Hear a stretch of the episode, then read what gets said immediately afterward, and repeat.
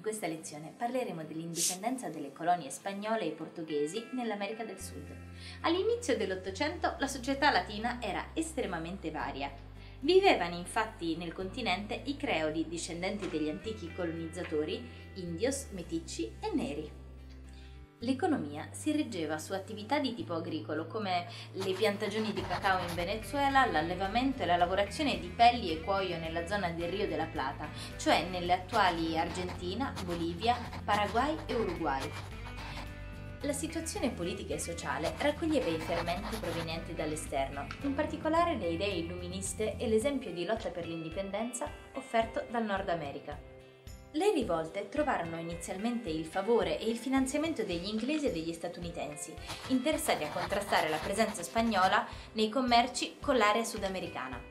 Vediamo come queste rivolte si svilupparono e conclusero nelle diverse zone, nel Sud America spagnolo, in Messico e in Brasile.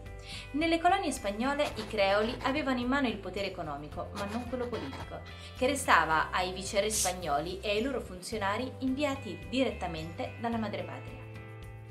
Chiedevano quindi fortemente di prendere parte agli affari politici, amministrativi e militari.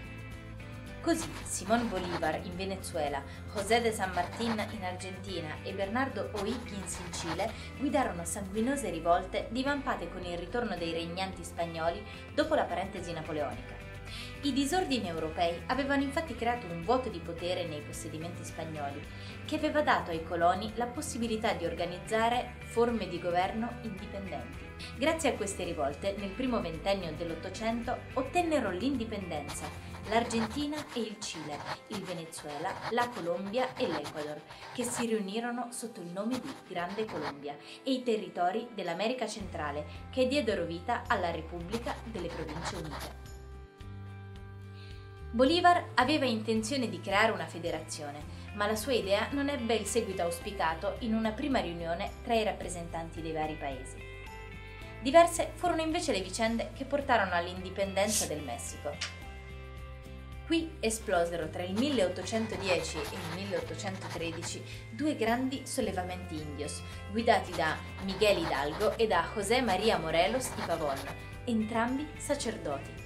Essi dichiararono abolita la schiavitù, ma la rivolta non ebbe l'appoggio dei proprietari terrieri bianchi, che si affidarono invece alla repressione, guidata dal generale Augustin de Iturbide. Fu proprio lui, nel 1822, a dichiarare l'indipendenza dalla Spagna e ad assumere il titolo di imperatore, ma il suo governo repressivo portò allo scoppio di nuovi moti liberali, che sfociarono nell'anno successivo nella proclamazione della Repubblica. Le componenti indigene continuarono ad avere un forte peso, tanto che nella seconda metà del secolo divenne presidente un indio zapoteco, Benito Pablo Juárez. Durante la sua presidenza il Messico si trovò al centro degli interessi politici europei, quando Napoleone III decise di erigersi a difensore del cattolicesimo. Nel tentativo di ingraziarsi il papato, l'Austria e l'elettorato cattolico intervenne in una guerra civile tra liberali e clericali, alla quale parteciparono anche inglesi e spagnoli. In realtà i francesi avevano intenzione di fare del Messico un loro protettorato. Così, nel 1863, in un'assemblea di notabili messicani, venne nominato imperatore il principe austriaco Massimiliano d'Asburgo, candidato dai francesi. L'imperatore non abolì i provvedimenti presi da Juarez, né restituì alla Chiesa i beni che le erano stati confiscati. Nonostante ciò, dovette fronteggiare le proteste dei liberali e resistette solo grazie all'esercito inviato dai francesi. L'impresa di Napoleone III si rivelò però fallimentare. I francesi furono sconfitti dall'esercito repubblicano e si ritirarono. Massimiliano rimase solo e venne fucilato dai messicani nel 1867. Furono invece ancora diverse e non violente le dinamiche che portarono all'indipendenza del Brasile. Nella colonia portoghese iniziavano a svilupparsi le prime piantagioni di caffè, che sarebbero poi diventate una delle maggiori risorse economiche del paese. Nelle piantagioni veniva utilizzata la manodopera degli schiavi africani. Alla conclusione dell'occupazione francese del Portogallo, il re, che si era rifugiato nella colonia sudamericana, tornò nella madrepatria.